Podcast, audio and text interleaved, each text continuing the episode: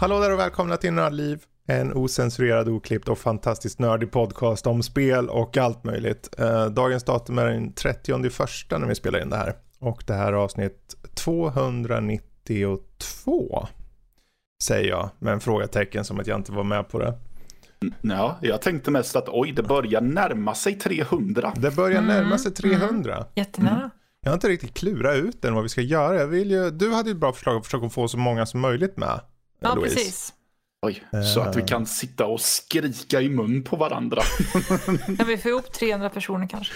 ja, precis. Hur många är vi Nördliv nu för tiden? 300 personer. Ja, Det blir... Mm. men om man bara ser till poddare då så är vi 10 eller? Kanske? Mm. Något åt det hållet? Ja. Så det, det är ju ett par. Nu drog jag det bara ur arslet så. Det, kan, det är säkert fler. Det är jag som har helt missat typ hälften eller någonting Eh, säkert. Och- Det känns som att, eh, jag vet inte, det, mm, jag hinner ju inte reflektera riktigt på det så det känns bara, ja men vänta hur många är vi? Är vi inte två eller en? Är det bara jag? Är det sju, tolv, 49? Vet inte. 49. Oj, oj, oj. Ja, ja, vi får ju, det där får vi spekulera mer kring framöver. Vad vi däremot ska spekulera kring idag är lite de saker som vi kommer ta upp. Jag tänkte jag ska snacka lite Tesla Force, Twin Stick Shooter. Och eh, sen kanske vi kommer in på Quest for Infamy. Eh, Louise har kört The Medium och hon har också bränt igenom alla Xbox-spel som någonsin existerar på Game Pass. Ja, jag är helt svettig alltså. Det... Jag, jag, jag kom precis på en liten petitess här. Mhm. Ha, har vi gått igenom vilka vi är som är med i dagens avsnitt? Nej, jättebra att du säger det. Ja. Eh, jag heter ju uppenbarligen Fredrik, det känner ju alla till. Säger jag och så är det en tumbleweed som åker förbi. eh, och sen har vi, vi har Matte uppenbarligen och vår goda Louise också. Med. Hej, hej. Så det är jag. Mm, jättebra. Ja. eh, man blir ju så uppe i det. Och jag tror det var lite det här med snacket om 300 avsnitt som jag gjorde en avstickare som gjorde Ja, att jag kom jag förstod lite. det. Jag tänkte med Mm. risk för att jag tränger mig in och fuckar upp hela din Du får tränga presentation. in hur mycket du vill. Nej, men Fredrik. Nej, nej, nu vart det fel. Ja, nej. Nu Nu... vart det fel. Vi gör så här, vi hoppar direkt till nyheter istället för att fastna där. Nej, men gud. Inte tränga sig in och fastna nu. Nej, Nej, som nej. två hundar sitter fast i... Nej, jag vill. Nej. nej, nej. Två djur som slåss mot varandra däremot, det, det kunde vi se i trailern för Godzilla vs Kong som släpptes i veckan. Ehm, Mm. Och jag tänkte mest som att ta upp den är ju mer bara, är det här något ni ser fram emot? Har ni sett trailern till att börja med eller? Eh, Mm, ja. Jag såg trailern. Ehm, alltså det är lite svårt för mig att se fram emot det för jag har inte så mycket kontext till den. För Om jag... Kong-text. Kong-text. Precis. För jag, har- jag har inte sett Kong Skull Island och vi konstaterade off mic förut tror jag att jag inte har sett den andra Godzilla-filmen som kom. Mm. Jag såg bara den första som bara hette Godzilla. Och jag har inte sett Godzilla-filmerna de senaste. Däremot har jag sett Kong Skull Island och den Mm. var väl den var lite underhållande ska jag väl erkänna men ja, det är, väl, det är väl inget som jag säger brinner för att se fram emot den här nya filmen men visst skulle den dyka upp någonstans så skulle jag väl kanske slå titta lite. Ja, Mm. alltså jag kan väl säga så här, nu, nu uppmuntrar jag inte till någon så här nedladdning eller någonting, men jag kan tänka mig att den kommer finnas så här överallt vid, vid dess lansering, för den kommer släppas på HBO Max i USA samtidigt, alltså på streaming. Ehm, så jag vet inte om någon VPN eller någonting, då kanske man kan komma åt den via streaming då på en gång. Om, om inte annat så kommer den ju komma på bio. Det är ju bara frågan hur många som går på bio i dessa tider och i mars där. Eh, eh, eh, ja, precis. Jag tänkte precis fråga, är det ens någon bio som har öppet? Men du sa mars förvisso. Ja, 26 mars kommer den gå upp på biografer. Eh, Vi får se om de svenska biograferna öppnas tills dess. Just nu är de ju mycket riktigt stängda. Eh, Ja. Men det har ju sagts att det är ju en eh, global lansering på den här. Men ah, det återstår att se. Det är ju bara det är ju en spektakelfilm liksom. Det är två stora jävla urmonster som bara baxar skiten ur varandra. Ja, det Liksom. är ju, det är ju två, två kända giganter Mm. i den här uh, Warner Bros-filmen och jag vill att de säger Marfa och så liksom bara Ja, din mamma heter också Marfa. Martha. Ja. Ja, Ja, men, eh, det. Åh, det, får jag ändå ge eh, trailern att man får, man får ju se det man vill se. Man vill se monstren dela ut feta smockor på varandra. Och Mm. det, det fick man se i alla fall. Ja, för Mm. Godzilla, första Godzilla, det var ju Mm. som att de bara gömde Godzilla i ett stort mon- så här moln och så syntes han typ på tre, två timmar så såg man typ fem minuter liksom av det där monstret kändes det som.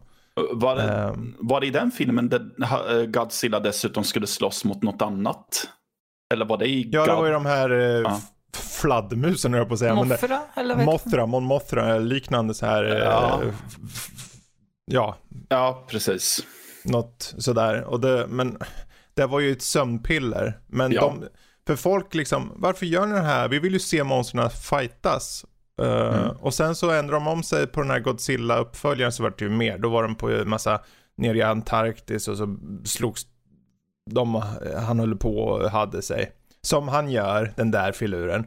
Kong däremot, Skull Island, det var ju betydligt mer fokus på att det var karaktärer som åkte till den här ön och han var inte, det var lite så här, hur är han ond? Är han ond eller inte alls? Han är, verkar inte vara ond riktigt. För mig så, när jag tittar på det här, alltså för mig så är ju Kong the good guy och Godzilla lite bad guy. Ja, han verkar ju användas av the good guys i alla fall. Mm, För att, eh, som jag uppfattade förhindra Godzilla att förstöra allt. Så då Precis. låter man Kong förstöra allt samtidigt som man bankar skiten ur Ja. ödlan. Kong är ju, är ju en ty- typ stor apa så att det är ju mer Mm. likt en människa. mm. Om man tänker så. Mm. Sen kan jag tänka, de kommer ju göra en cop-out på det här. Det kommer ju sluta med att det kommer en tredje fiende. Så att de kommer gå till, ihop tillsammans. För Godzilla är ju huvud, han är ju en hjälte i sin berättelse och Kong är en hjälte i sin berättelse. Så de måste ju hitta en så här gemensam nämnare att slåss mot känns det som. Det kommer börja säkert med att de, så som man ser i trailern, det heter ju ändå Godzilla vs Kong, men det är också så här marknadsföringsknep tror jag. Jag tror det kommer upp någon sån här, någon tredje, för de, de hintade i de här filmerna Mm. om någon så här mega ultramonster såklart som Ja. kan få göra allt. Så, Precis. King Ghidorah kommer plötsligt upp. Ja, det var någon megafilur, det kanske var det. Mm. Ja, Den. kanske det. Men eh, den sa, oavsett, 26 mars, uh, får se om det även gäller Sverige, men den som lever får se. Eh, och sen har vi, vi har ju lite det här angående Microsoft. Microsoft i dubbel bemärkelse egentligen. Ja, vi kan väl börja med att de höjde ju priset för Xbox Live och den hör egentligen samman med lite kanske på sätt och vis den här acquisitionen som har ryktats om. Men Microsoft höjde priset för Xbox Live, deras eh, online-tjänst. Eh, eller Xbox Live Gold som det heter. Men ändrade sig sedan. sedan. Eh, jag tror att de inte riktigt hade räknat med det bakslag som det faktiskt blev. Eh, de, har ju, de har ju ungefär i nuläget 100 miljoner användare på Xbox Live. Men de har eh, ungefär 18 miljoner användare av Game Pass. Och då ökar Game Pass med en miljon användare i månaden ungefär. Men de här Xbox Live-användarna, det är ju de som de vill få över. De vill få in dem på Game Pass.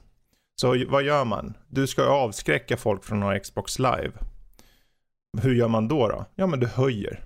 Nu är det här fel sätt att göra det på för de chockhöjde priset. Mm. Eh, och det fick ju ganska snabbt mothugg då. Hur Eh, mycket har det skilt i priserna? som, de, som i det här förslaget då eller? Mm. Eller där som de kom med. Eller det, ja, oavsett. Ja, de skulle höja med, eh, jag tror det var en dollar för en månad och tre, får se nu.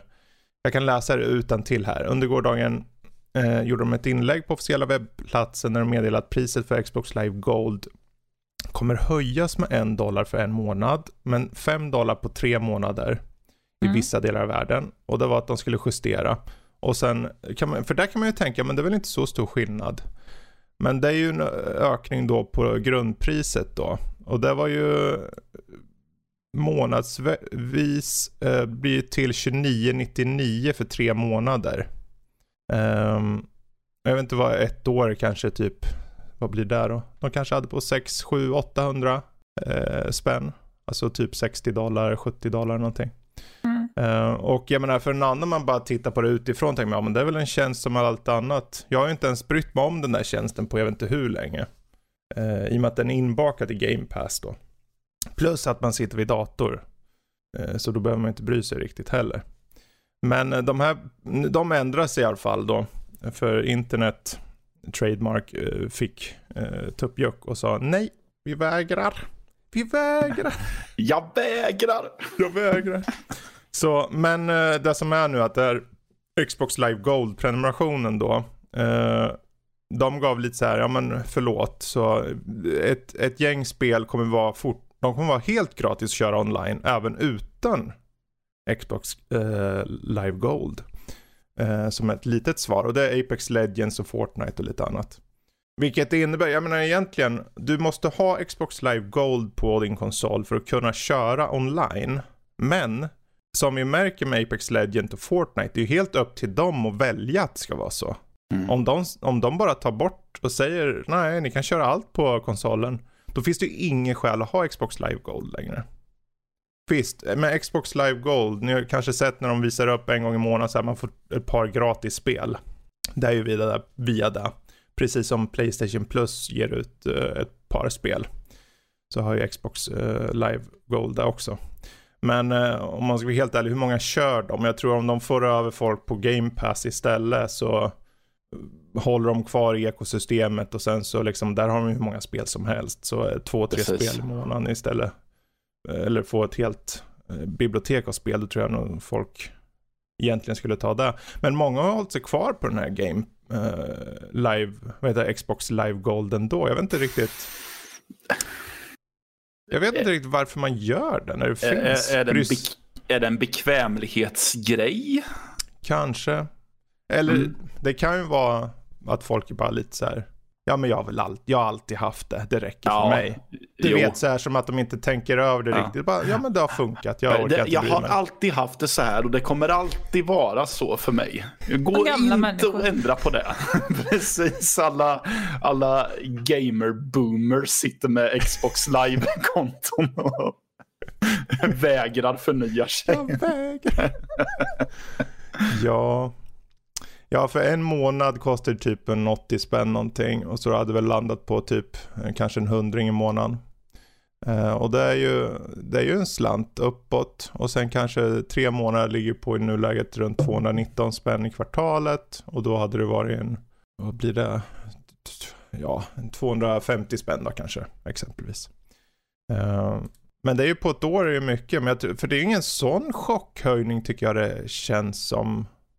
Men uh, har man lite pengar så är det klart att men det intressanta är, jag, jag tänker bara så här att du tog, idag om du, som du eh, Louise, du kör, mm. testar ju det här tre månader med Game Pass. Och det kostar ja, en tia. Mm. Men efter det tar slut, då kostar en månad, vad kan det kosta? Har du Ultimate eller? Uh... Har du bara PC-versionen? Det jag fick i det erbjudandet för 10 kronor tre månader det är ju Ultimate. Ja. Fast Ultimate då är det väl både konsol och PC och streaming mm, och sånt. Och det skulle, jag, det skulle jag inte behöva utan bara PC och vad, vad är det det kostar i jag månaden? Jag för mig om att det är 99 va? Precis så. 99 mm. spänn i månaden. Så jag menar 99 spänn i månaden. Det blir ju att Xbox Live kostar ju. Det är ju det. De ligger, hade den här höjningen varit kvar. Då skulle de ha legat på samma pris i månaden. Mm. Och det är väl det som är grejen att då, här, titta. Ni får Xbox Game Pass och Xbox Live Gold tillsammans. För om du tar Game Pass då får du med det. Mm. Eller betalar du bara på Live Gold och då får du, ja då är det samma pris bara att du inte får tillgång till alla spel. Så då tycker man att om det är samma pris då borde väl alla, alltså jag skulle bara, jag skulle ha gått över direkt då. Ja, jag med. så jag vet inte riktigt. Men det är väl det där, ju minst, minsta lilla prisökning så blir ju folk, och det, med rätta, så det, det är inte bara att höja men de kunde kanske gett en, så här, vi kommer höja inom sån tid eller något, så här var lite i god tid att säga till eller något. Jag vet ja. inte riktigt hur de ska hantera det riktigt men... Eh, Nej. Oavsett, det här är ju liksom hela tanken att de ska ju, de ska ju slopa live gold. Mm. Uh, för att uh, som det funger fungerar just nu, ledningen och uh, egentligen en stor del av Microsoft personal och, och så, de får en kickback. De får alltså pengar utifrån hur många subs det finns på Xbox Game Pass. Mm. Och inga mm. andra tjänster. Jag, jag funderade på, har de varit öppna med att de ska slopa live? Nej. Nej, okej. Okay. Mm. För jag tänkte om de har varit öppna med det så förstår jag ännu mindre varför mm. folk är kvar på live. Precis. Mm. Nej, det som, det som är öppet och det är där de hade ju den här årsstämman eh, som var nyss. Uh, som fick se hur mycket de tjänade och hur mycket de hade fått in i pengar och allt vad det var. Och det var ju så tydligt att just i och med att de själva tjänar på, rent alltså på ett personligt plan, ta en valfri boss liksom för företaget. Får den här bossen in folk på Game Pass så får han mer pengar. Ingen annan tjänst på företaget fungerar så. Det är bara Game Pass fokuserat.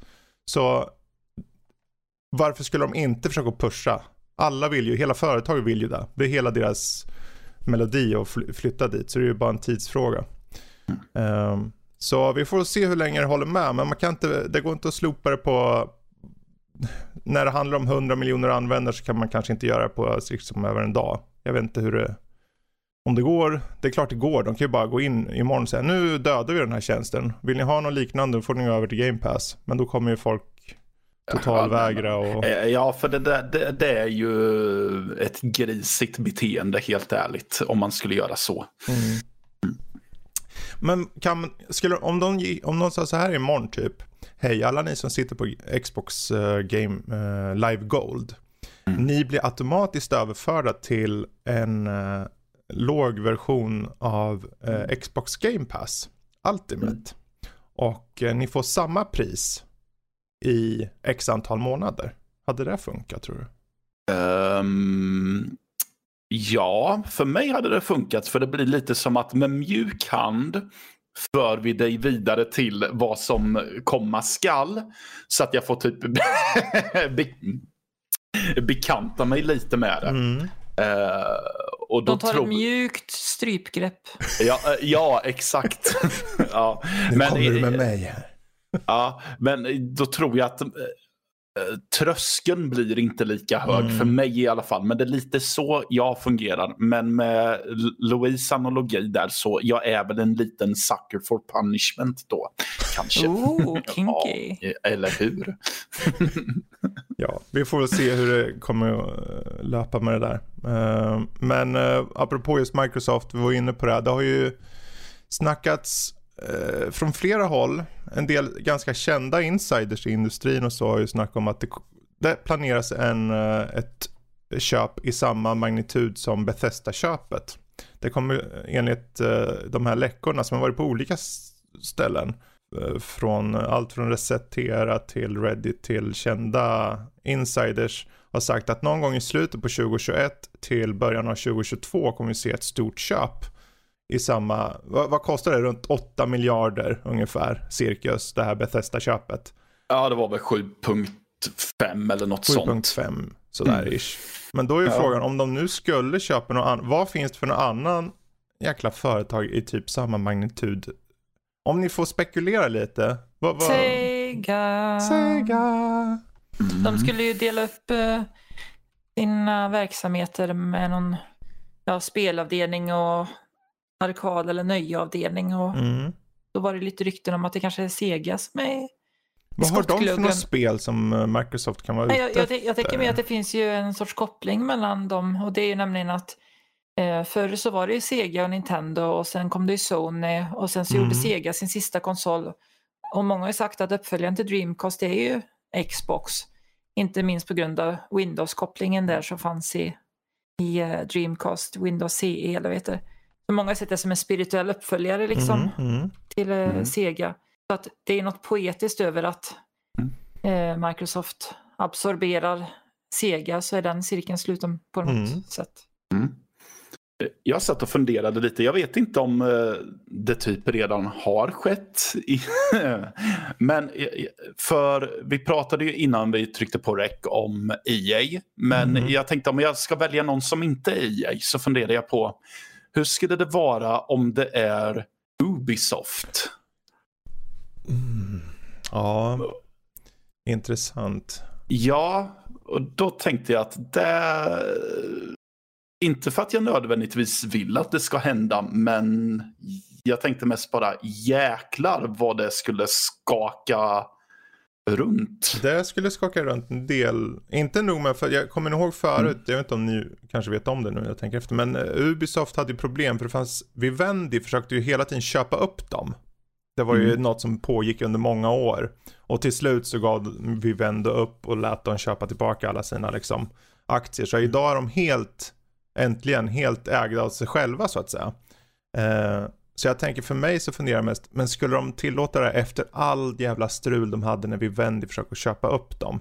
Det var ju mm. hostile mm. takeover-snack typ så. Oj. Um, ja. Ehm, eh, alltså jag men, tror inte det, men... Uh... Det är ju en intressant tanke att bara fundera på, för det skulle ju, det skulle, om de köpte Ubisoft. Då, då har de ju nästan vunnit. Fast Ubisoft är ju så stora, jag tänker Sega ja. däremot, de har ju ja. så här massa kända varumärken som de dock inte gör så mycket spel med. Eh, ja men precis, det var lite så jag tänkte att mm. det, Ubisoft kanske är lite för starka för att låta sig eh, köpas upp av uh, Microsoft precis. på det sättet. Men ja. det, det, var mest lite mer av ett tankeexperiment än ett genuint förslag. Mm. mm. För, ja. för jag började fundera på andra studios just för att jag funderade på om inte EA är något lite för stora också. Mm. Så. Men sen går jag nog eh, lite bet på vad de kan tänkas vilja eh, moffla i sig hädanefter. Mm. Mm. Ja, jag funderar själv på det där. Jag inte... För jag funderar ett, ett tag, tänk om det är typ Take-Two.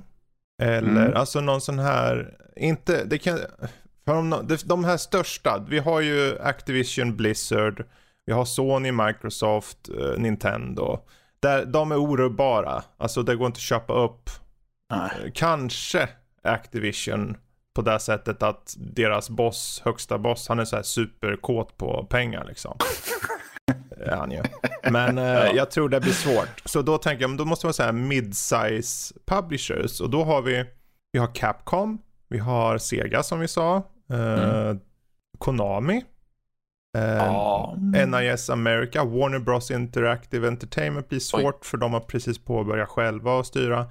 Kuwait Tecmo, 505 Games, Take-Two Interactive och svenska Paradox. Och sen har vi sån här kockmedia som har under sig eh, THQ och en hel bunt olika, Deep Silver och sånt. Eh, men jag, jag tänker, jag, vill, jag skulle ju tänka mig att är det något de går efter, de måste ju gå efter spelen. För jag, ja. Sega, Sega för mig, nu för tiden, då tänker jag, det är kanske lite motsägelsefullt, men jag tänker Total War bara.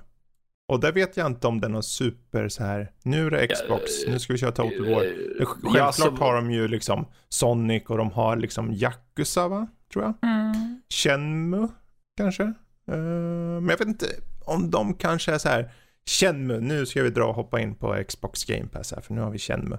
Sonic, kanske lite. Det är ju lite cred då Sonic, men... Uh, Jet Set Radio. Jet Set Radio, precis. Men, men jag tänker om de hade så här Take-Two, då har vi Max Payne-serien som de kan förvalta. De kan ju framförallt mm. GTA. Uh, är det Take-Two? Ja, Rockstar mm. ligger under Take-Two. Jaha, okej. Okay. Så, mm. och Private eh, Division uh, heter en... Är det inte de som har Mafia också? Det kanske det är, ja. Eller har jag mm, feberdrömt det här? Ja, tänk GTA 6 exklusivt för X. Ja. Ja, jäklar. Det är... Jag tänker, det är ju sånt spel som lever så länge också. Och som de kan så här mod modda det. Och, mm. Eh, de behöver inte ens ha det exklusivt de kan ju ha bara mm. tidsexklusivt på Xbox. Ja. Och Nej, folk jag... bara skriker jag vill ha en Xbox och springer jag... till affären. Och... Jag tänkte fel om Mafia för okay. det verkar vara 2K. Ja men det här, det, 2K ligger under eh, ja. Take-Two också. Ja, ja men då så.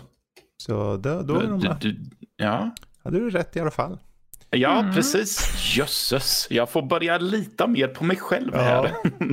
men jag tänkte mest, och det här det är kanske lite långsökt nu, men eh, under Take-Two, eller Take-Two ligger Private Division och Private Division har The Outer Worlds med Obsidian. Ah. Obsidian har ju, den IPn var ju deras egna, men den är släppt via Private Division. Medans mm. nu när Bethesda köptes in, så har de ju Fallout. Så om de kunde komma över och få ha Ja. tillbaka Obsidian och säga nu får ni köra, nu, nu vill jag se Fallout New Vegas 2 här, kom igen, spring iväg. Men har inte eh, Microsoft Obsidian? För De- ja, men det har är de ju. Ja, för Precis. Grounded är ju Microsoft exklusivt. Exakt. Mm. Ja, alltså jag blir så virrig. De måste ju, då har de bara publicerat det via Private Division. Men jag tänkte mer Ja. på IP då, alltså The Outer Worlds, för den måste ju tillhöra Ja. Take-Two då. För, ja, precis. Eh, då Fast får den de kom ju ju... på Game Pass va? Gjorde den inte det? Gud vad virrigt det blir nu. Jo, det, det gjorde det. För att eh, nu, blir det lite internt här. För jag, fick ju recensionskod till PS4 men du spelade det ju på PC för att det släpptes på Game Pass. Ja. Och du tog över recensionen för att eh, det hände annan skit Ja. hos mig. Ja, ja. Uh, oavsett, det är virrigt, men vad som är virrigt är ju frågan vad, om det nu skulle vara något, vad fan är magnituden med liksom Bethesda? Det, jag tänker Take-Two med GTA kanske, Telltale känns Ja. dött, Paradox Ja. Interactive går för bra, de vill nog vara sin egen grej och de är för nischade spel. Ja, de Eh. gör väl typ bara RTS. eh, Ja, superstrategi, grejer. så här 4X och sånt nästan.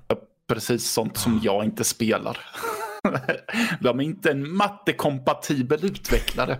Men det är kanske så här Focus Home Interactive. Alltså jag tänker Koch Media i stort har ju flera under sig. Focus Home Interactive, Deep Silver till exempel. Mm. Eh, Tecmo. Och de här har ju, det är bara så här dubbel A-spel som bäst liksom.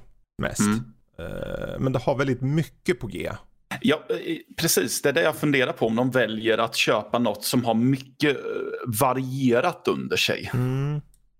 Så att det inte är för nischat så att de typ kan eh, breda ut sina vingar över hela marknaden. Och gulpa upp allt. Och gulpa upp allt. Som en sån här, eh, likt en tumlare så bara öppnar den gapet och låter allting bara makrill bara. ja.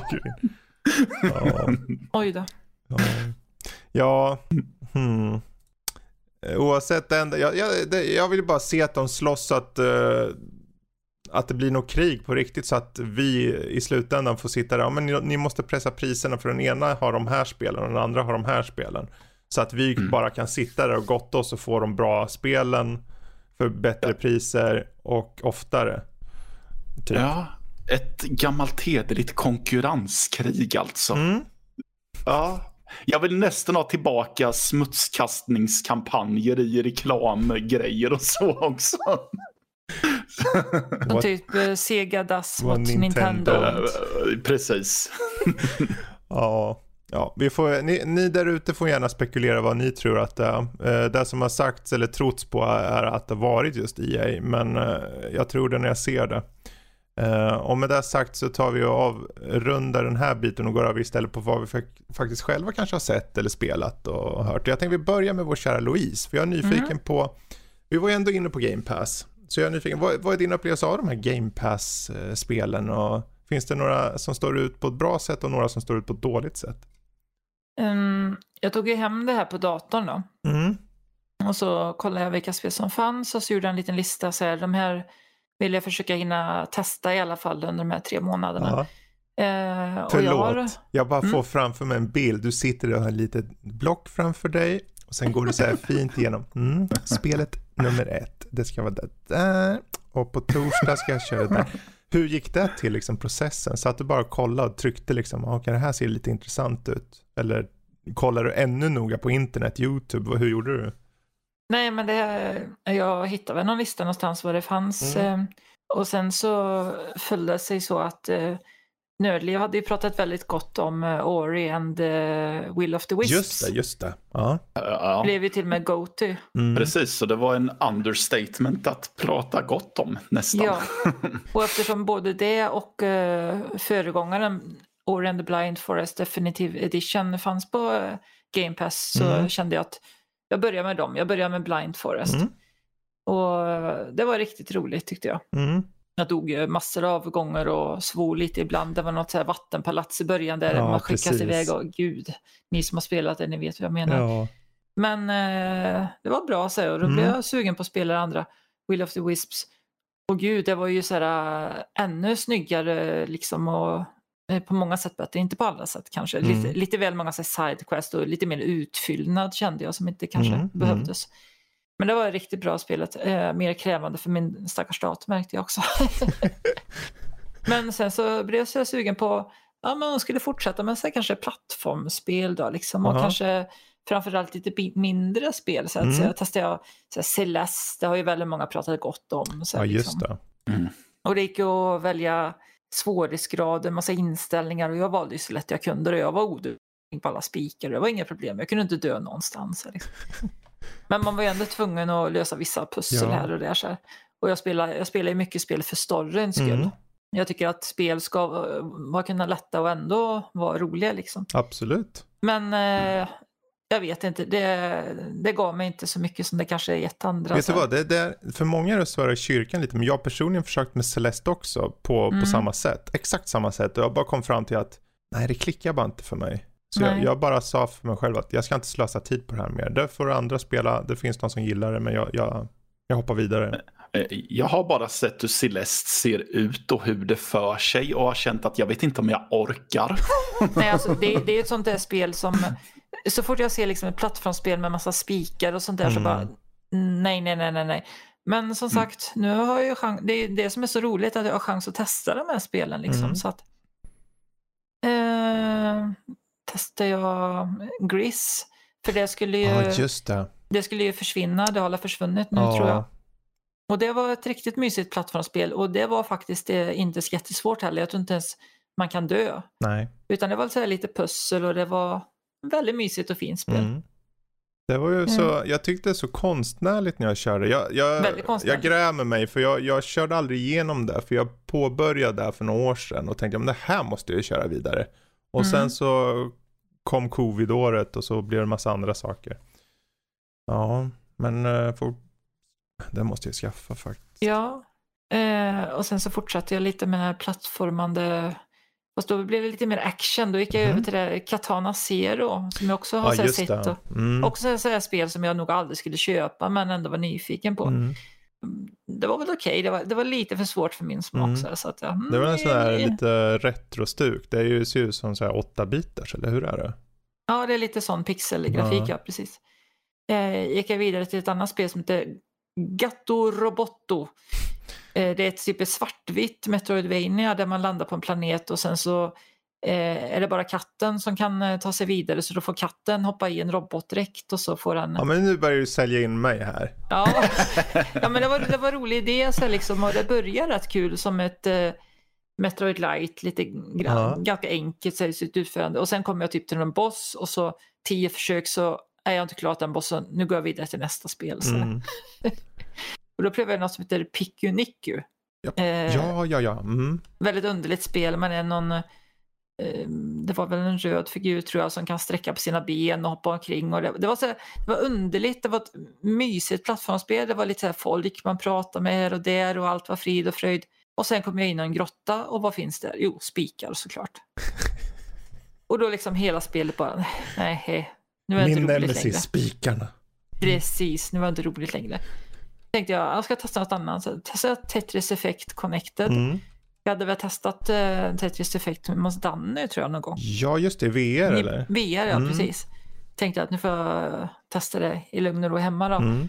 Och ja, jag gillar ju Tetris. Tetris. Men eh, det var någonting med det här att det kanske är meningen att man ska liksom uppleva det som svårt. För jag tyckte det var jättesvårt när det bytte musik och grafik och liksom allting. Är, det, det är inte samma hela tiden utan det förändras ju när man spelar Precis, saker och ting. det är liksom beroende på vilken typ av Effekter. bana så kanske blocken Ja. ser ut på ett annat sätt liksom. Och... Och det störde mig, jag må- mådde nästan illa ibland och tänkte att jaha, är det Oj. det som är utmaningen att inte spy när man spelar Tetris Effect? Så. Ja, det, det hoppas jag inte att det var idén faktiskt. jag klarar ju det här, äh, ja, jag vet inte vad man ska kalla det, Den här kampanjgrejen. Ja, precis. Eh, så var jag nöjd med det också. Så testade jag något som heter Lonely Mountains Downhill. Kom för, förra Ah, året. Det är ett svenskt spel tydligen. Mm. Man cyklar ner för en Yes. backe. Så här. Och det började också så ganska mysigt. Men sen efter fyra, fem banor och så här, åh, Då bara jag dog och dog och dog. Ja, man svär högt över det spelet Oh, också, ja. bitvis. Och vill man så här, få uppgradera och sånt, då ska man ju klara allting så snabbt Mhm. som möjligt. Och ja, jag bara dog och dog och dog. Det, jag, jag klarar ju av den skiten.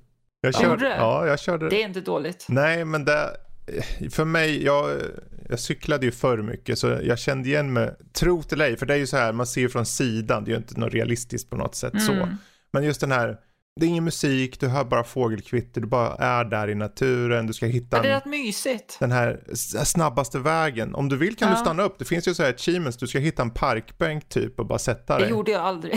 Eh, de brukar vara antingen i början eller bara, eh, Ah. åt motsatt håll bara. Och, eh, men just den här idén om att du ska bara lägga det på rätt, eh, liksom, du ska sitta rätt på den där jäkla sadeln, du ska liksom ta dig ner i så snabb hastighet som möjligt men samtidigt hålla balansen och allting. Jag, tyckte, jag vet inte, för mig var det magiskt. Men jag är väldigt partisk där, måste jag väl erkänna. Ja, för sen så, det som börjar som eh, ganska normalt, sen blir det så här omöjliga stup och Mhm. grejer. Jag tänker, vem cyklar det liksom? Det är ju korkat. Känns det så farligt? Det är farligt, men det är tur Ja. ett spel. Nej, men ändå, det, det kände, alltså jag har ju ingen erfarenhet av att cykla ner för berg så, men det kändes ändå som ganska skön fysik. Det kändes, Mm. det kändes bra i kontrollen om jag säger så. Precis, precis. Eh, och sen så kommer vi till det som jag spelade senast då, som det, det är inte ofta jag spelar liksom helt nya spel, men det kom faktiskt i förrgår när vi pratade, det är ju det här det medium. Ja, just det. ja. Du skulle bara känna på det lite och du har kört igenom det. Ja, precis, för det, det var inte så dumt faktiskt. Det dummaste med det var väl eh, det tekniska, att det var väldigt segt på min dator, fast det har tydligen varit väldigt krävande även på bättre grafikkort har jag läst. Ja, alltså jag startade upp den och den flöt på superbra. Mm. Men allt hänger ju på grafikkort i det här fallet. Ja, Eh, För det här är ju ett spel, den släpps ju för... Den är ju gjord, det här är ju current gen, alltså den här är, den släpps exklusivt för eh, Xbox Series X och PC. mm. Så då, då har den ju lite högre krav. För den går ju, det märker ju du, kanske vi får höra mer om, men det, den går ju till så här dubbelskärm ibland. Man får se Mm, mm, karaktären från två vinklar samtidigt. Då, då måste han ju rendera två saker samtidigt. Så där, där kommer det bli ännu mer stressande då. Ja, precis. Nej, jag, jag märkte ju direkt att jag var ju tvungen att, roligt nog på grund av namnet då, så var jag tvungen att dra ner till medium Mm. grafikkvalitet för att det skulle flyta överhuvudtaget. Mm. Och då flöt det kanske mellan 30 och 40 fps. Aha. Eh, drog jag ner lägre så kanske jag fick mer F- fps, men då såg det så hemskt dåligt ut så Ja. jag kände bara att nej, hellre dålig fps då. Precis. Men det, men det var okej ändå. Så liksom. Ja. jag, har ju, jag, jag har ju spelat spel på Nintendo hela mitt liv och varit med om 30 FPS. Det är, det är inget nytt för mig. Så, men Precis. i alla fall. Och sen kommer de här två skärmarna samtidigt som du säger. Och då blir det ju, det blir verkligen hälften också. Mm. Helt plötsligt har jag så här mellan typ 15-20 FPS Mm. och då hackar det. Ja. Som tur är så det jag var rädd för det var att det skulle vara väldigt stora delar av spelet men det var, jag tror jag läste någonstans en tredjedel av spelet vilket är ganska mycket ändå kanske men, men det var inte hela tiden det var Mm. två skärmar. Jag var glad när, när de partierna så, tog slut så att Mm. säga. Eh, och sen, jag, jag, ska inte, jag ska inte spoila någonting, jag, jag ska bara säga till er som har spelat det att på slutet, en sekvens i slutet där man rör sig, det gick det ner till 10 FPS och då var det en skärm. Mm. Och jag kan säga att den miljön är inte krävande. 10 FPS, det var helt otroligt. En skärm 10 FPS. Och sen klarade spelet kom eftertexterna. Eftertexterna hackade sig fram i 15 FPS. Vit text mot svart bakgrund. Hackade sig fram i F- Det måste ju betyda dålig optimering. Ja, jo Det verkligen. kan ju inte vara någonting Ja. annat. Det var, det var så Det, okrävande. det känns liksom, ju som att de texten. måste ju ha någonting i bakgrunden som körs då. Det känns ju som att Ja, jag det, det, det kan ju inte vara texten som gör det där utan det måste ju vara något i bakgrunden som den håller på att rendera eller någonting som gör att den knasar till sig. Högupplöst text, du vet. Det... Den var ju 4K. ja, jag körde ju 1080 av mediumkvalitet Ja. men ja. Ja, det var... Nej, det, det var dåligt. Det kanske kommer så här patcher. Mm. Börjar det här bli en trend nu? Är det som Cyberpunk, så dåligt optimerat? Jag vet inte. Fast det är ju, ja, jag vet ju inte hur de har gjort det där. Jag kan ju, jag har ju bara förvisso kört, du vet eh, fram till man kommer till Niva eh, Hospital, vad heter det? Niva Resort. Ja, precis. Det är det större, Ja. större delen av spelet utspelar sig. Exakt, så jag har ju kört den här första partiet och sen kommer introsekvensen och sen har jag gått genom skog och mark och kommit till resorten och så gått in där Mm. och så. Och det är dit jag har kört. Men det, jag har ju, jag har ett, jag tror jag har ett något nyare grafikkort. Jag kommer inte ihåg vad du har. Men för mig, Eh, AMD Radeon RX 580 okej. från 2017. Okej, ja. Eh, precis, för jag har en 2080 som har stöd för det här eh, DLSS som det kallas. Så då, Mm. det är bara funktionen märker jag, för när jag startar upp det här spelet så tänker jag, ja men det här flyter ju på jättebra. Det här var inga konstigheter. Men, eh, och då kör jag 1440 allt på högsta. Men då har jag DLSS igång som hjälper till Mm. jättemycket. Men eh, är det ju tråkigt att det inte flyter på så bra. Eh, Mm. Absolut. Men bortsett, bortsett från det, om det skulle flytta på bättre. Mm. Så, som det var nu så kanske jag ger det en ja, svag sexa eller något. Men jag kunde Mm. nog komma upp till en svag sjua om det hade flyttat på bättre. För att eh, som sagt, jag spelade igenom hela spelet. Det tog väl ja, lite över tio timmar kändes det Mm. som. Jag läste att man kan klara det på sju eller något, men jag, jag brukar vara lite långsam i spel. Och för mig då som inte gillar så jättesvåra spel så var det ändå ganska lagom svårt. Mm. Eh, vilket jag uppskattar. Det, det var ganska lugnt spel. Det, var- det var väldigt mycket man egentligen så går omkring och letar efter saker. och det var, inte, det var inte mycket backtracking, det uppskattar jag också. Oh, precis, jag med. Det, det var, jag har inget emot när man liksom eh, vet vart man ska och för sig framåt. Så liksom. och det, det, för det mesta så var det så, vilket jag uppskattar. Mm. Eh, någonting jag inte uppskattar kanske lika mycket det var att det var en del så fasta vinklar som var lite så här som första Resident Evil-spelen Mm. kändes det som ibland, du vet man springer och så helt plötsligt så by- byter det kameravinkel mitt i rummet Mm. och, och då springer man åt andra hållet helt plötsligt och det är lite förvirrande. Jo, jag tycker tänkte på samma sak. För det är ju sådana här tank controls på det. Är ju Precis. eh, mer eller mindre genom. Men det, visst, man går i skogen så är, det ju bakom karaktären till viss del. Men det är bara för att de har valt den vinkeln liksom. Mm. Och så följer kameran en- efter liksom och så. Men eh, En aspekt av, av spelet är att man hjälper så här, typ själar att gå vidare, Mm. ungefär förenklat. Eh, och det gillar jag. jag. Jag gillar när spel liksom kan vara bra utan att eh, gå ut på att bara så här, besegra monster Mm. och sånt. Och, så att, precis. du glömde, glömde ju prata om det, ett av de bästa Xbox Game Pass-spelen jag har spelat. Och det har ju du spelat också, det var ju Donut County. Ja, jag vet inte om jag skulle säga att det är en av de bästa dock. Jag tyckte det var jätteroligt, det var ju den här tvättbjörnen eh, för de som inte vet. jag tyckte ju storyn var helt blä. Men jag, Tyckte du? ja, jag tyckte gameplay Ja, var jag- roligt. Jag tyckte, det var, jag, jag tyckte det var supermysigt hela tiden. Och det var så enkelt också. Man liksom för det här hålet omkring Mm. och det växer och blir större. Det ser jätteroligt ut när folk ramlar ner i hålet utan att bry sig. Eh, sen kommer det så lite pussel. Man kanske får eld i hålet och då ska man Mm. använda den här elden på något speciellt sätt. Så, så det finns en vi- viss utveckling i spelet och det var ungefär tre timmar långt. Precis. Och, det- och det var inte särskilt svårt. Det var supermysigt, mycket humor. Jättebra tyckte jag. Seriöst. Ja. ja, men det var ju jättekul ändå. Jag menar, Ja. för det här är ju hela...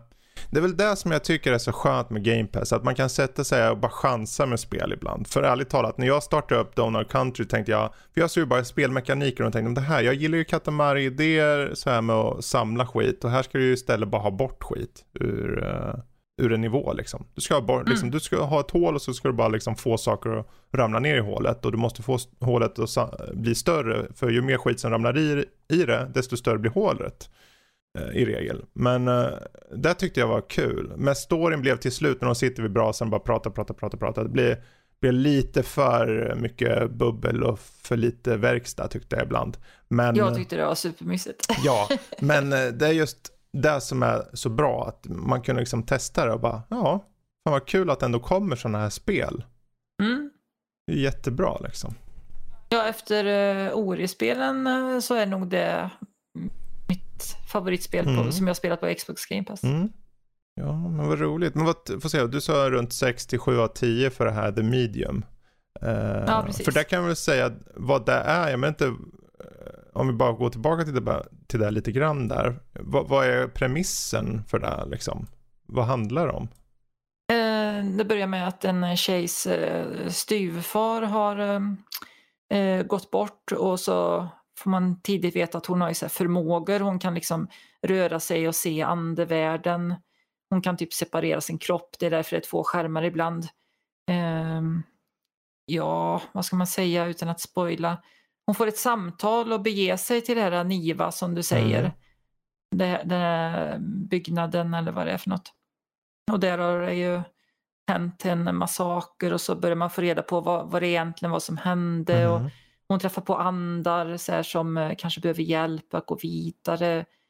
Och hur är det här kopplat till henne? Och Precis. för, för att hon har så här minnesluckor och som sakta fylls i under spelets gång. Ja, för jag, jag, där, där kan jag tycka när jag startar upp det. Jag, jag är lite så här, jag är lite allergisk mot de här eh, kontrollerna och, och just tank controls, det här med Resident Mm. Evil-upplägget. Men jag måste erkänna att jag varit väldigt nyfiken på storyn faktiskt. mm. Ehm, Sen så hängde jag nog inte med i allting. När när jag hittade lappar och sånt med text så läste jag ju lite snabbt allting. mm. Fast när eftertexterna rullade så hade jag nog inte superkoll på allt som hade hänt egentligen. Vad det egentligen var och Mm. sådär. Men, Tror det finns men jag tyckte några- ändå gameplayet var, ja det var lite mysigt. Eh, och så Donut County. Cou- County. County, ja Ja. precis. Ehm, och den, jag menar, det spelet. Det är så, för jag, det här låter jättefånigt, men jag har haft. Jag har varit i en sån här period som, jag, jag har varit sugen på väldigt korta spel. För Mm. delvis för att jag vill checka av saker. Och delvis, och det här är ännu fånigare, men jag har varit i så här achievement spree. Så jag har varit inne för att tjäna så mycket achievement jag kan under en månad för att se hur mycket jag kan få. Mm. Och, så jag började starta Donut County och så te- märkte jag att jag fick inga achievement här. Varför? Ja, ja, det kommer säkert. Så jag körde igenom hela på PC och märkte att jag inte fick några. Och, då, och sen tänkte jag, jaha, det är något fel med att, okej, men då, ja, det var så kort. Så jag startade det på Xboxen och körde igenom det igen. Eh, Okej. bara för att få achievement. Bara för att få achievements. ja, oerhört, jag vet. Du drabbades Så av då fick du verkligen njuta av de här dialogerna. Ja, i första omgången så, så var jag ju med om det, så att säga. I andra så bara mosade jag rakt igenom det. Det- Jag tror jag körde igenom spelet på en timme, tror jag. Liksom. Mm. Så superkort. Um, Mm. Men det, absolut, jag är med på helt att eh, det, det rekommenderas att faktiskt testa det. För stämningen är ju bananas och det är liksom en tvättbjörn och en tvättbjörns trash king. Kanske dyker upp också. De som spelar får se. Eh, Okej. Nej men min er- erfarenhet av Xbox Game Pass på PC har väl varit bra så. Mm. Och jag känner att när min testperiod går ut, jag, jag förmodar att man kan ta enstaka månader och betala för att prenumerera och sånt. Ja, alltså du, Ja. du kan ju, om du tar, du tar ju månads, på månadsbasis, men du kan av, Mm. det är inte någon eh, så här period på hur, hur lång tid, uppsä- det finns ingen så här uppsägningstid, du kan säga upp den tre dagar innan liksom, eller du kan ta en Mm. månad och säga upp den direkt. Mm. Så har Nej men jag tänker att om det kommer så, så är det något eh, ganska nytt Mm. spel som kanske kostar 400 spänn eller något som jag känner mig sugen på. Då kan jag ju betala 100 spänn istället Absolut. och bara spela igenom det på en månad. Absolut. Så gör ju jättemånga. Eh, Mm. Så det är ju jättevanligt. Man tar liksom en månad PC-versionen för 90 spänn eller vad det kostar. Och sen bara manglar man det där spelet för att det kommer ut just då. Och sen så bara, eller man köper det, betalar, säger upp den på en gång för då har du en månad rakt fram liksom. Eh, Mm. Och sen bara kör du. Och sen när det tar slut då märker du att då går det inte att köra något mer bara plötsligt. Mm. Så, Jättebra. så, så har jag gjort ett par gånger. Tills Yes. nu, nu då när man sitter på lite längre period. Men ehm, ja, vad kul ändå. Vem vet, vi kanske kommer tillbaka till, till dig och framtida Game Pass-spel då. Absolut, jag, jag har många spel som jag tänker testa. Ja, Är det en följetong som har inletts Ja. här? I detta jag är nyfiken. Har du några, eh, bara för att så här, komma skall, finns det några som står ut? Några spel som du har Ja, tänkt? ja, faktiskt. Någonting. Jag har ju aldrig ägt en Xbox-konsol så Halo-spelen är jag väldigt nyfiken på. Okej, ja, spännande. Det, det skulle bli kul faktiskt. Det vill jag höra. Nu ska vi höra det sanna svaret om Halo här i framtiden. Så häng med Ja. på Nördliv podcast, då får ni höra den sanna, Ska- rena upplevelsen. samla alla Halo-heads i samma eh, avsnitt Ja, jag också. tror, jag, de ska nog exkludera mig, för jag är inte så snäll mot Halo om jag ska vara helt eh, ärlig. Okej. um, nog om det. Men eh, du, skäggbaronen. Mm -hmm. Jag tänkte Quest for Infamy, vad är det för något? Quest for Infamy är ett spel. wow. ja, nej men det är ett spel som är släppt, eh, jag är ganska säker på att det släpptes 2014 mm. av ett gäng som kallar sig för Infamous Quests. De har släppt något annat spel också som jag har tappat namnet på. Mm. Men eh, tanken med spelet är att det ska jag är ganska säker på att de hade ingången att ja, men vi gör ett spel där det ska kännas som att äh, vänta lite här nu, är det här ett Sierra-spel vi har glömt bort? Mm. Så vi snackar alltså ett, äh, ja, men det är ett peka-klicka äventyrsspel mm. av den gamla skolan. Uh, så de ser lite ut som grafikmässigt ser det typ ut som de tidigare Kings Quest-spelen. Okay. Uh, med lite... Uh, ja, de är animerade på samma sätt och när man pratar med viktiga karaktärer så är det karaktärsporträtt och text ah, som kommer okay. upp. Är det voice-actat? Det är voice-at. Mm. både med karaktärer i spelet och berättarrösten. Okej. Okay. Och berättarrösten är väl en väldigt stor eh, behållning i spelet just för att de har ju behållit eh, den här eh, Sierra-humorn där man nästan kan bli lite idiotförklarad för vad man försöker med. Som man kan titta på en dörr mm. och så mm. kan berättarrösten säga så här att eh, det är en dörr jag vet inte vad du förväntar dig mer att jag ska säga. Det är, en, det är bara en dörr. Folk använder den för att gå in i hus. Jag gillar eller, det. Jag gillar ja, det. Eller vid ett annat tillfälle. Grattis! Du hittade dörren! Mm. eller typ, jag gick runt i en skog och tyckte, anade att jag såg någonting i ett fågelbo uppe i ett träd. Så då tittade jag på fågelbot och sen Uh, du ser någonting i fågelbot, fast du är inte säker. nej, nej förresten, du ser ingenting i fågelbot. Och så tänkte jag, okej, okay, men då försöker jag ta det som är i fågelbot. Vad vill du med ett fågelbo till? Ska du ha det som en hatt?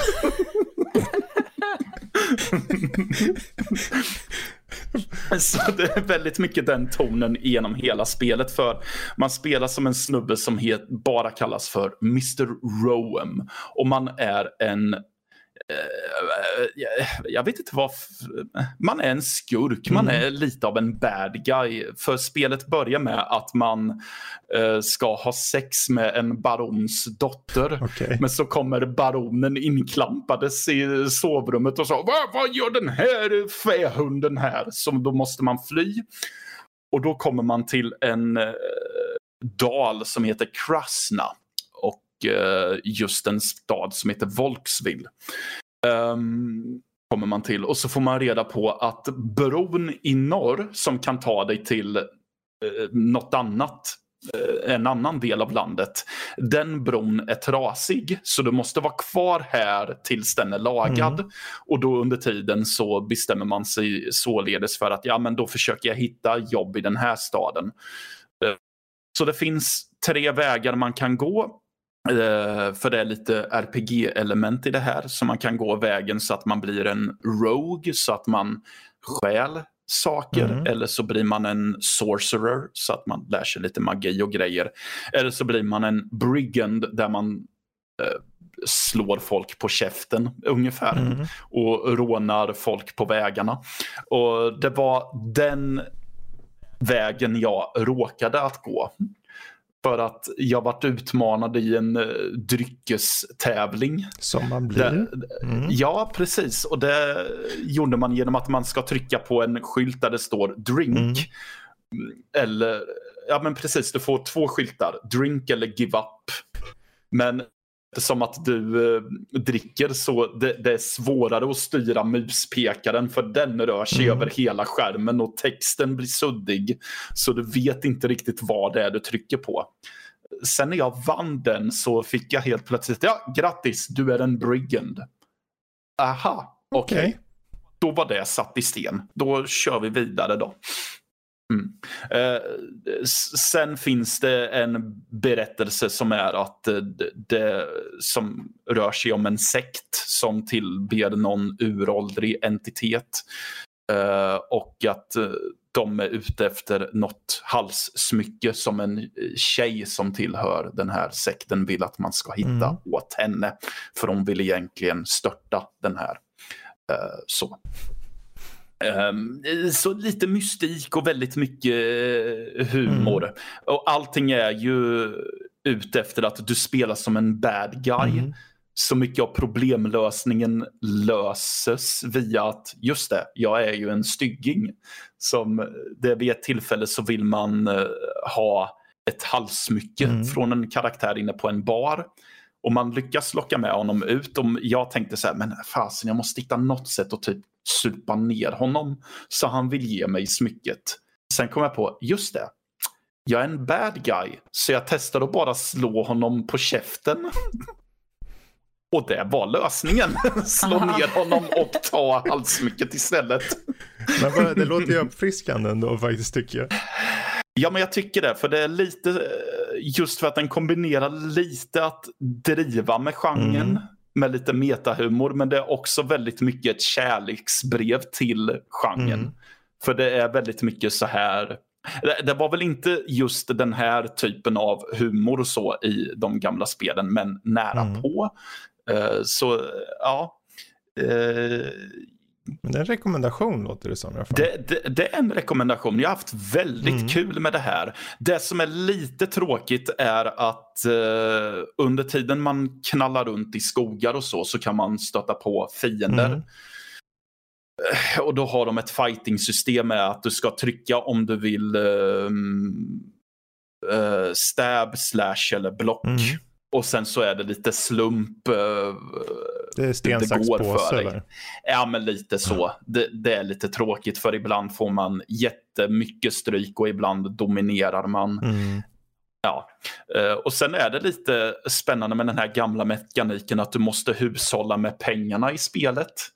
För då tänker jag, men nu köper jag på mig jättemycket uh, health potions. Så kommer du på, just det, jag behöver köpa ett rep så jag kan klättra ner för det där berget. Mm. Men nu har jag inte råd med det. Så då måste jag vänta till nästa dag för att försöka skaka Ah, ihop pengar okej. och så.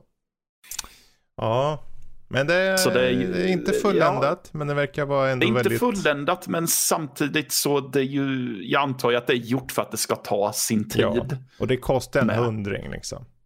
Ja. precis. På Steam. Så det finns kanske på andra Ja. platser också. Men på Steam finns Ja. det för 999 euro.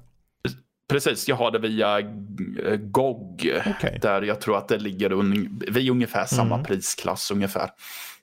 okej. Ja men kul. Quest for Infamy. Uh, Yes. Sierra uh, hommage nästan till viss del. Ja, väldigt mycket så. Ja. Eh, vad som inte är mycket till hommage det är Tesla Force som jag har kört. Det är sin egen grej. Det, det är, du är Nikola Tesla och du ska slafsa varenda jävla monster du kan hitta. Eh, Det är en twin stick shooter är det, med roguelike element. Så du, Ha, ursäkta, har det någonting att göra med det Tesla-spelet som kom för något år yes, det är en sedan? uppföljare. Mm. Eh, eh, Lovecraft versus, eller heter den Lovecraft, Lovecraft versus Tesla, eller Tesla versus Lovecraft tror jag det hette. Ja, för mig jag testade hos dig till och med. Ja, precis. Ehm, och eh, jag, jag personligen älskade Tesla vs. Lovecraft. Men nu har de, det är ju mer eller mindre är det samma spel. Det är bara att de har eh, gjort det till mer roguelike. Så att eh, Mhm. alla banor som du kör, eh, du har tre områden eller världar man ska kalla. Och eh, banorna på de världarna är slumpmässiga. Och Eh, ändra sig så här proceduell generering. De är slumpmässiga liksom i vad som eh, händer på de där banorna. Eh, och du har fyra stycken karaktärer du kan spela mellan. Och det kommer bossar och allt så. Men framförallt du kan låsa upp perks. Och du får med så här kristaller som droppas kan du typ bygga upp och göra dina liksom, vapen bättre. Men till skillnad från roguelike som i sig, jag vet inte hur många roguelikes ni har kört men liksom jag är lite trött på det här man ska dö och sen dö och dö. Men här har de gjort det på ett väldigt lättsamt sätt. Det är ju inte en roguelike, det är mer roguelite. Så... Ja. Jag, jag har ju en grej att de, de ska ju ha designat det så att det faktiskt är kul mm. och inte en tröskel att spela om områden Precis. igen. För det är där många roguelikes tappar Exakt. mig tyvärr. Mm. Och det är där de har löst bra här för att till att börja med, det är så pass, det är ganska lätt är det. Det är ett lätt spel. Det är gjort för att vara lätt.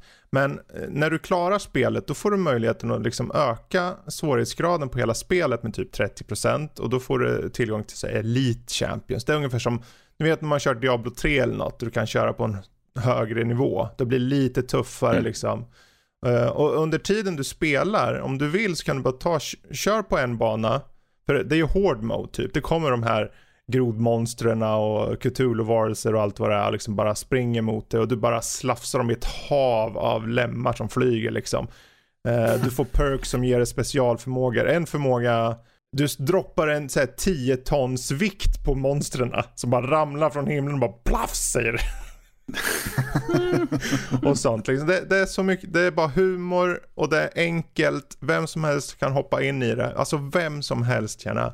Uh, och ja, du kommer dö kanske genom halva spelomgången på en run. Men då har du kört väldigt mycket och du får de här kristallerna. Men det, det görs väldigt så här avväpnande enkelt. Du bara kommer tillbaka till basen och sen bara går du springer ut och, och i och med att det är så här genererade banor så blir det nytt och fräscht ändå. Och när du springer runt på de här banorna och hittar så här små delar av rustning överallt. Och vad kan du göra med rustning? Jo, du samlar ihop dem. Då, har du, då springer Nikola Tesla runt med en stor jävla mechsuit och bara manglar skiten ur saker och ting. Så det, det, är så mycket fokus på bara ha kul när du manglar de här stackars eh, Cthulhu-monstren. Och sen kommer det såklart lite bossar och allt sånt också. Uh, mm. jag, jag tyckte att det här, jag var så jävla trött för jag hade ju som sagt, jag hade gett mig in på att försöka köra en sån här achievement month. Hur mycket kan man få achievements? Men till slut blir man ju trött på för achievements betyder ju ingenting egentligen.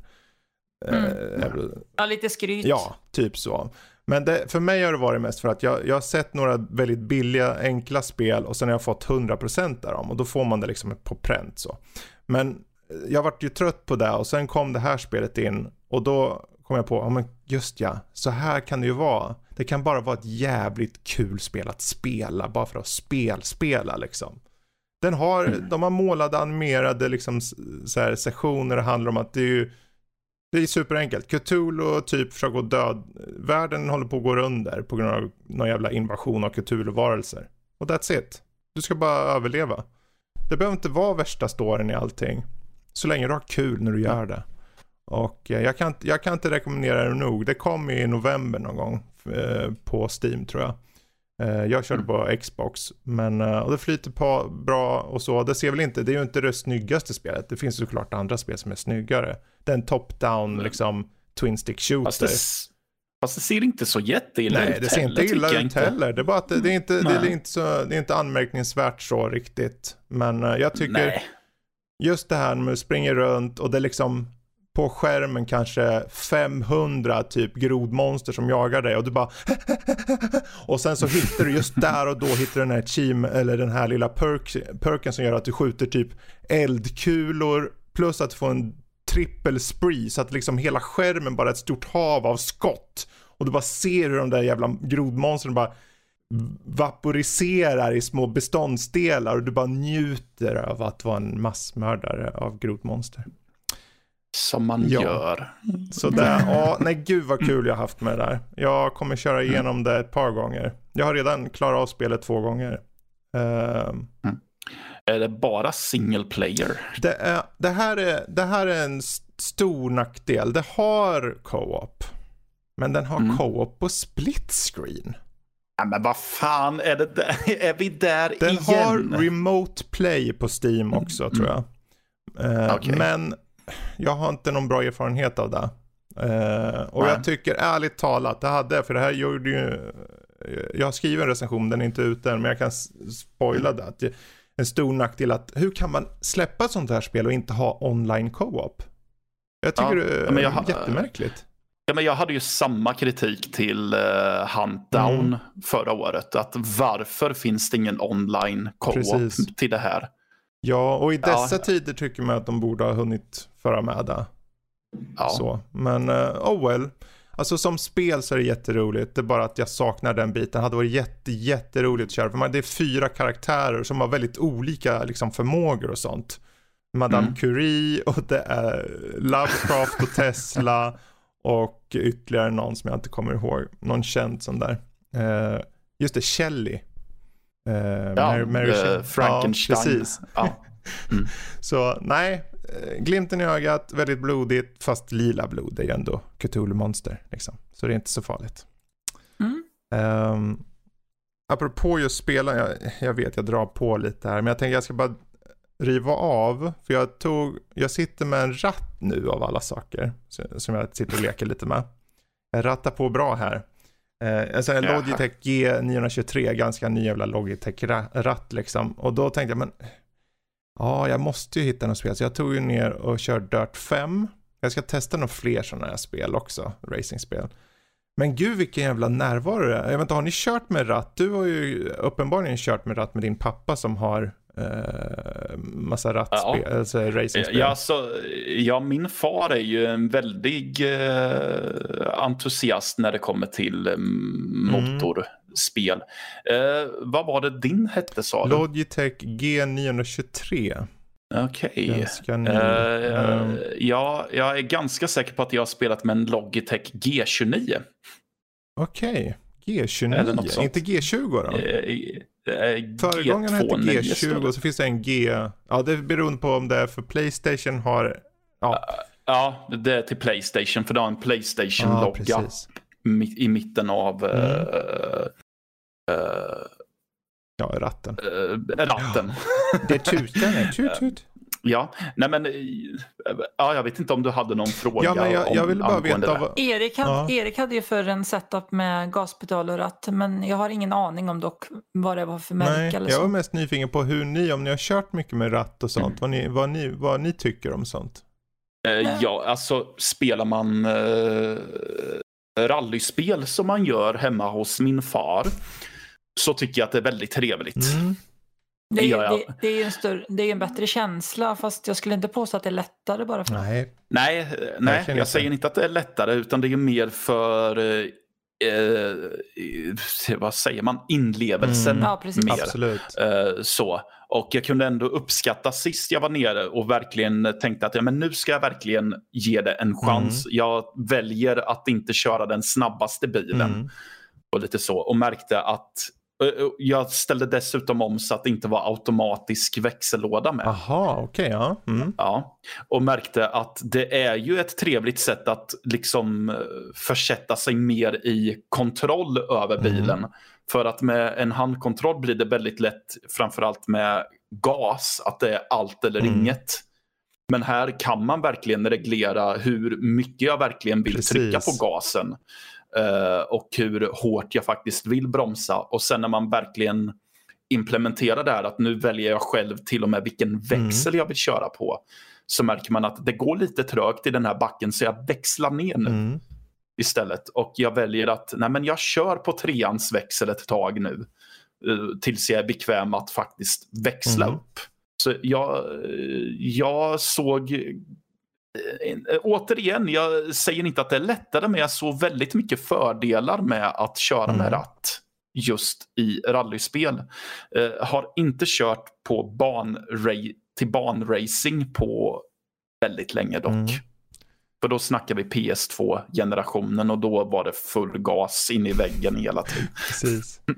Jag hade en ratt som jag körde med till Mario Kart Wii, men det är ju inte ett riktigt bilspel. Då, så att, Ja, det är ju ett kartracing åtminstone. Det är ju inte, det är inte så långt Mm. ifrån. Liksom. Eh, nej, men det passar väldigt bra till eh, när man körde med Mm. motorcykel, för att gjorde man ett snabbt ryck, ryck bakåt med Mm. ratten så, så åkte ju den på bakhjulet. det. då. ja, Fast man, man, det funkar ju lika bra att hålla i den här Wii-remoten och så liksom vrida den bakåt. Så. Men det var, det var bättre känsla Mm. med ratten. Ja, för när jag, jag kom på, jag var ju lite, jag ska erkänna, jag var lite så här skeptisk. Jag har ju kört ratt och sånt förr, men det har känts jämt som att, ja men jag går tillbaka till handkontroll. Typ så. Mm. Men nu när jag satt med Dirt 5 så kom jag på det, men det handlar inte så mycket om ratten i sig som att spelet faktiskt låter utnyttja ratten. Så det är en fråga Mm. om support från spelen. I, I Dirt 5s fall som jag körde på kom jag på direkt, okej det här har full, ut, alltså full support för ratten. Och i och med att ratten har 360 graders eh, svängradie så kom jag på, för när jag kör med handkontrollen, när jag svänger, ja då svänger han ju bara. Det är ju inte som att jag väljer, det är ju inte som Ja. att jag sitter, ja men tar jag två millimeter åt sidan och svänger lite mjukt, utan man brukar köra lite mer hårdhänt så. Men Ja. nu när jag satt och körde bara av att jag styrde och valde exakt hur jag skulle styra bilen så kom jag, jag, jag började vinna racen efter ett tag när jag kom på att jag kom in i det. Och sen precis som du var inne på just med gasbroms, eh, för jag har bara kört automat än så länge, så kom jag på fan, fan det här, jag, jag tar ju kurvorna mycket bättre just för att jag släpper gasen, trycker gasen på rätt plats, men jag trycker i en specifik mängd framför allt. Precis. Mm. Så det parat med liksom styrandet gjorde att jag märkte att jag Vet man, i många så här racingspel har det blivit, man, man börjar racet, alla står där framför och du liksom bara mosar dig igenom dem. Många gånger. Men nu kommer jag på mig själv att jag sitter, okej men nu svänger jag lite här och så kommer jag precis förbi en och sen står jag precis i höjd med någon bil och börjar tackla den där jäveln lite. Och så dörrar det till i ratten och jag känner underlagen bara skumpa när jag kör. Och, och sen så flyger jag över backen och åker precis förbi en i kurvan och trycker i rätt, rätt mängd ner på gasen och bara tar den där kurvan perfekt. Och då kommer jag på mig, ja, det här, om man blir bra på det, Mhm. om du blir bra på det kommer du nog slå de flesta på med handkontroll tror jag faktiskt. Eh, Ja, det tror jag definitivt. För eh, det, nu är det bara lite så första intryck för jag har inte kört så mycket mer utöver Dirt 5. Men jag, jag vart bara så förvånad över att, eh, att jag kunde komma in i det, för jag har inte riktigt tänkt på det. Jag, jag har tänkt så här rattar och sånt där mer som lite leksaks, alltså det är en kul grej, jag har tänkt ibland så. Jag har haft rattar förr, jag vet att de är välgjorda och så, men jag har inte gått in i det på samma sätt som jag har gjort nu. Eh, Så det blev lite av en wake-up call nästan. Nej, men jag, vet, jag vet ju att det har blivit stort nu under året på grund av covid och allt det där. För eh, jag var nog inte tydlig med det, för jag körde ju Dirt Rally 2.0 eh, he- hemma hos Mm. far. Eh, och det har ju blivit stort just hos eh, rallyförare Mm. nu eftersom att det inte har varit jättemycket. Det har varit tävlingar men inte i Mm. samma magnitud tud som det brukar vara. Så det har ju blivit populärt nu att de startar eh, typ tävlingar. Jag vet att det har varit SM i Dirt Rally Mm. 2 som bara är för just rallyförare som har tänkt att ja, men vi kör det här spelet istället och de presterar förbannat Mm. bra. Så det, det är också ett tecken på att då har det ju förmodligen översatts ganska bra från verklighet till spel Precis. också Ja, nu. ja, det, ja, det var en kul upplevelse hittills måste jag säga. Och jag, jag ska testa lite andra spel. Jag tänkte jag skulle testa Project Cars eh, också. Eh, kanske Forza Horizon. Eh, Mm. Det är ju mycket mer arkadigt då. Men just för att Ja. få lite, lite variation så. Men Ja, bra intryck än så länge i alla fall. Av eh, G923 från Logitech. Från, vad som är däremot eh, lite så här, jag var nyfiken, nu ska vi se, Office eller Resident Alien. Vad känner du mest för att prata för eh, Louise? Ehm, The Office. Mm. För du har sett både engelska Mm. och amerikanska. Ja, alltså jag kände ju till The Office sedan tidigare men har aldrig sett det. Sen upptäckte jag att det hade kommit på Netflix, den amerikanska. Så då blev jag nyfiken och så såg jag några avsnitt och jag tyckte att de var jätteroliga. Men eh, så tänkte jag att nu kanske det är värt också att kolla in den engelska då och jämföra Mm. lite. Ehm, så det gjorde jag. Den engelska är ju tacksamt ganska kort. Det är det 14 avsnitt Ja, den är väldigt två kort. säsonger plus två julavsnitt. Precis. Ja. Eh, och det är ju förstås originalet som kom några år före. Eh, med Ricky, Ricky Gervais och han som spelar eh, den där Bilbo, Hobbiten. Ja, precis. Martin Freeman. och det, mär, det märks att m- många av karaktärerna, de, de har ju en motsvarighet i amerikanska och sådär. Eh, jag, jag tycker de är bra på olika Mm. sätt. Eh, om jag ska hårdra det så tycker jag väl att den engelska, som jag förstår att många håller väldigt Mm. högt, ehm, den är ju dystrare. Det är, det är mer en känns mer som en riktig dokumentär, att liksom de följer dem på det här kontoret. Det, det är några skratt här och där. Men ofta är det väldigt cringe. Eh, han, chefen, är ju jättejobbig. Han försöker skoja men det blir bara så fel. Och nästan ingen av de som jobbar där trivs med honom. Det är liksom, åh, det, det är riktigt jobbigt nästan. Precis. Och, och, han eh, tar ju väldigt mycket plats i serien. Jag upplever att det är mest mm. han och eh, han hobbiten då och så sitter emot den här hobbiten. Jag kallar honom hobbiten. Vad är Martin han heter? Freeman. Eller? Tack för det. Ja. Um, så att det är det. Och sen den amerikanska. Den är mer feelgood. Den mår jag bättre av. Den, den skrattar jag mer av. Den är bättre komedi. Om den andra är mer drama och mår dåligt och mer kanske eventuellt verklig mm. om man säger så, så är den amerikanska mer om man vill ha någonting att skratta och må bra av. Då är den, för att när chefen dyker upp där, eh, vad heter han? Steve Carell. Precis, tack. Eh, då är det bara roligt och det verkar som att en del som jobbar där, de har inget emot honom. Visst, han är awkward och sådär också, men han är snällare på något sätt. Jag vet ju vem jag skulle vilja träffa, mm. de här två cheferna. Liksom på, ja, sådär. Och eh, sen tycker jag också att de som arbetar, eh, förutom chefen, de får mycket mer utrymme, mer story. De är djupare medarbetarna i den amerikanska än i den mm. engelska. Mm. Vilket jag uppskattar för att då kan det bli lite mer variation i där karaktärsutveckling och sånt där. Eh, och han som spelar eh, Dwight, eh, Rain Wilson i amerikanska, han tycker jag mycket bättre om än den engelska motsvarigheten. Eh, som sitter mm. mittemot. Gareth, tror jag han heter. Eh, så, att, så att det är några av skillnaderna. Jag, jag, har, jag är inne på tredje säsongen av amerikanska nu och eh, även om de första avsnitten är ganska lika, vissa saker har de ju snott rakt av, så börjar den hitta sin egen identitet nu och den är ju oftare utanför kontoret också, storyline. Mm. Så det är väldigt mycket smaksak, men jag mår bättre. Jag tycker, jag tycker den är roligare, den amerikanska. Ja, den är, mer, den är liksom mer lättillgänglig på något sätt också. Mm. Så är det ju. Eh, och Steve Carell är ju faktiskt, jag tycker ju om Steve Carell. Eh. Mm. Jag tyckte ju han var väldigt bra i den här um, eh, amerikanska serien, rymdserien som kom häromåret. Och den på Netflix den här, eller vad det var? Eller? Ja, precis. Det bygger på något verkligt. Det var väl ja, Trump, Trumps som... Space Force. Uh... Space Force, ja precis. Just det, ja. Ja, den såg jag någon del av. Just det, ja. Han är lite grann samma mm. sorts karaktär kan man säga. Det är också en sån här mockumentär. Precis. Men du hade sett båda? Ja, Office, jag har eller? sett båda. Jag har sett mest, fast det är så här, det är intressant du säger just, för jag började, jag såg ju hela original och sen så när det kom på amerikanska så började jag titta lite. Men då, vid det läget så hade jag redan tröttnat på hela Office. För jag, jag hade precis som du ganska svårt. För jag, när det är cringe som det är i första. Mm. Så det tar emot. Jag tycker inte om när det blir pinsamt. Jag vet inte varför jag ska vilja tycka om det. Vem gillar att titta på pinsamma situationer? Jag blir jämt fundersam över det. Det är någon form av humor som jag aldrig har fattat. Men jag har gillat Ricky Gervais och det finns stunder i originalserien som jag tycker om och sen finns det väldigt mycket som jag tycker, eh, ja, lite överskattat faktiskt som jag ska svära i kyrkan där. Men um, Steve Carells serie, det var inte så mycket att jag inte tyckte om, mer som att det bara inte hade, hade tid och sen blev det inte av, ni vet, den där gamla dängan. Uh, mm. Så, men det, jag kanske skulle plocka upp den igen, för den ligger ju där på Netflix. Ja, precis. precis. Hur många säsonger är det på en? Jag tror det är nio säsonger. Oj, är det nio säsonger?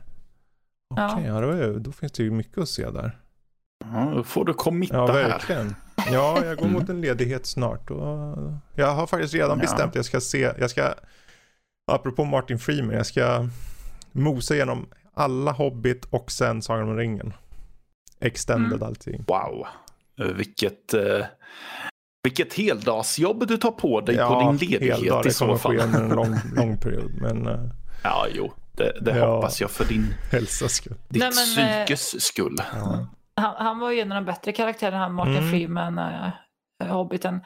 Han, han på något sätt representerar ju också tittaren ja. kände jag för att han liksom han, han satt ju där och såg alla dumheter som hände och så kollade han in med ren förvåning i mm. kameran hela tiden. Vad är det som pågår här egentligen? Precis, han var exakt, han är ju en straight man liksom. Han är ju den som, mm.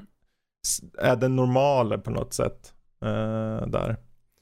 Uh, ja, men det är jättebra tips. Jag menar om man inte har kollat in uh, The Office oavsett vilken version så i alla fall den amerikanska då som uppenbarligen finns på Netflix så är det ju ett jättebra tips. Mm. Uh, men bra, jag tänker Får se, vi har Possessor. Kanske vi skulle ta lite snabbt. Vad är Possessor för något, Matte?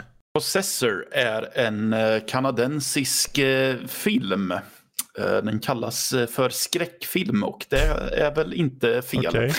Um, har du sett på skräck, Matte? Dra mig baklänges. Dra mig baklänges. Vad va, va har flugit i här karln egentligen? Uh, den är regisserad och skriven av en Brandon Cronenberg. Uh, son mm -hmm. till David Cronenberg. Okay. Är det mycket slafs i det? Ja. Uh, okay. Ja, det kan vi. Vi kan lika gärna säga nu att ja, det är en hel del våld i den här filmen och den, det känns. Att det är, det, det är våld som mm. känns. Men uh, vi kan säga så här, det handlar om en uh, agent som heter så mycket som Tassia Voss. Hon är spelad av Andrea Riceborough som några kanske känner igen som Mandy i filmen Mandy eh, av Panos Cosmatos. Ja, ja med Nicolas mm. Ja, precis. Uh, hon spelar en agent som jobbar för ett företag som uh, använder sig av ett typ av hjärnimplantat. Med det här hjärnimplantatet så kan de besätta andra människor. De, alltså, agenten tar över dess medvetande mm. och rörelser. Och med hjälp av det här så utför de då eh, främst lönnmord mot konkurrerande företag. Mm. Eh, så. Eh, och hon eh, så det är lite så att de gör det här genom att de eh, stoppar in någon skit i huvudet på agenten. Och så får de lägga sig i som en kapsel, en kuvös ungefär. när de sen vaknar upp så får de eh, frågor om eh, personliga objekt de har valt mm. ut. För, så får de beskriva dem för att man ska fatta att okej, okay, du, du är inte helt eh, koko. Mm. Så. Eh, och hon försöker balansera det här yrket med att hon har ett lite småtrasigt förhållande. Hon har en man som hon är särbo med och de har en son.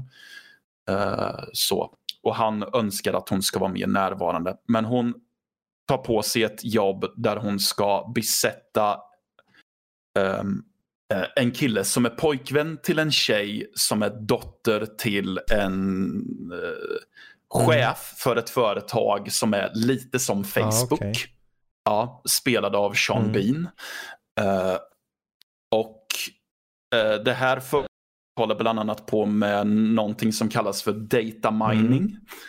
Och här går det ut på så sätt att de sätter på sig som några slags goggles. Och sen så kan de med de här uh, glasögonen titta som i en kamera in i folks hus. Och så kollar de på gardiner och möbler, vad de har för något så att de sen kan då skicka uh, rätt typ av reklam till dem. Ah, okay och så. Ja, och eh, de gör ju en sak av att just den här snubben som hon ska besätta är ganska likgiltig inför allt.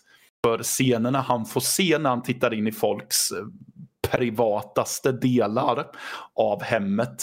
Det vill säga det är folk som har sex och det är väldigt explicit. Mm. Vi får se. Uh, så förstår man att okej, okay, han är så decentiserad mot mm. allt. Så, uh, ja. Uh, men i alla fall, det här yrket, uh, just det här jobbet blir lite svårt för henne. För även om han verkar vara patetisk så verkar han vara lite viljestarkare än andra människor hon har tagit över medvetandet hos. Okej. Okay. Mm, det blir än... lite motstånd. Mm. Lite motstånd där kan man säga. Och eh, ja, som sagt, det är en hel del grafiskt våld här som eh, eh, det känns för att de, de är filmade väldigt eh, Emil och jag pratade om den här också. Vi definierade det som att do, våldet är filmat väldigt platt.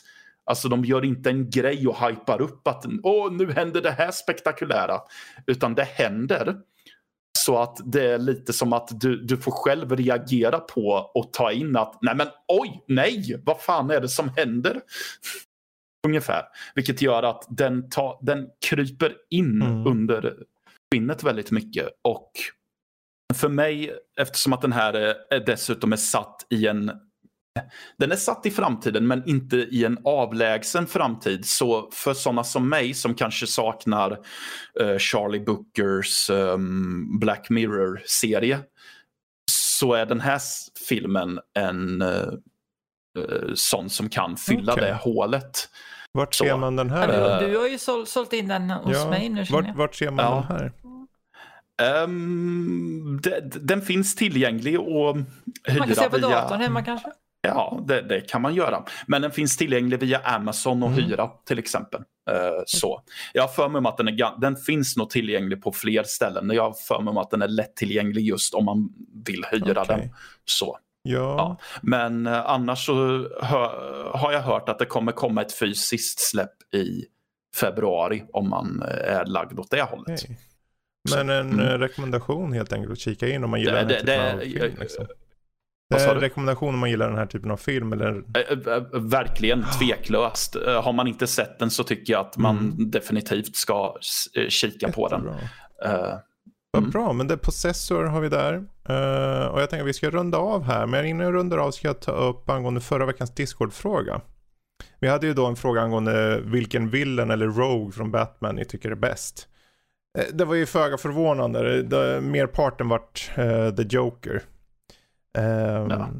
Jag gissade väl att det kanske skulle gå åt det hållet. Men vi hade ju annars uh, både Hush och uh, Pingvinen på uh, andra plats där. Men Hush. Hush är den här som ser ut som Bruce Wayne. Han har invirat huvud i bandage. Det är ett eget Aha. ark. En av de bästa arken okay. som faktiskt gjorts enligt mig. Men det är bara jag. Mm. Uh, men det var förra veckans. Jag tänkte den här veckan, jag pratade ju lite om ratt förut. Och uh, vi gör mm. så här att uh, under den här veckan så kommer vi ha en frågeställning på vår Discord som är vilket är det bästa specialtillbehöret ni spelat med? Alltså rattpedaler, Guitar Hero ratt, eller Guitar Hero ratt, Guitar Hero, ja, gitarr, dansmatta etc. Den omröstningen kommer ni hitta där. Och är det så att ni inte är med i vår Discord, ja men då går ni bara in på nördliv.se så är det en stor liten ruta där. Så trycker ni på connect så tas ni rakt in. Så enkelt är det. Ja. Eh, så det, det tycker vi kör på. Men där yeah. har ni den frågan och där ska vi ta och runda av dagens avsnitt faktiskt. Uh, vill ni ha mer av oss? Som sagt, nördliv.se, där hittar ni allt. Dessutom finns vi på Twitter och Instagram och Facebook och då är det nordliv.se.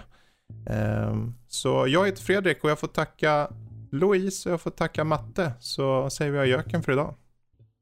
Mm. Ajöken. Ajöken, ajöken.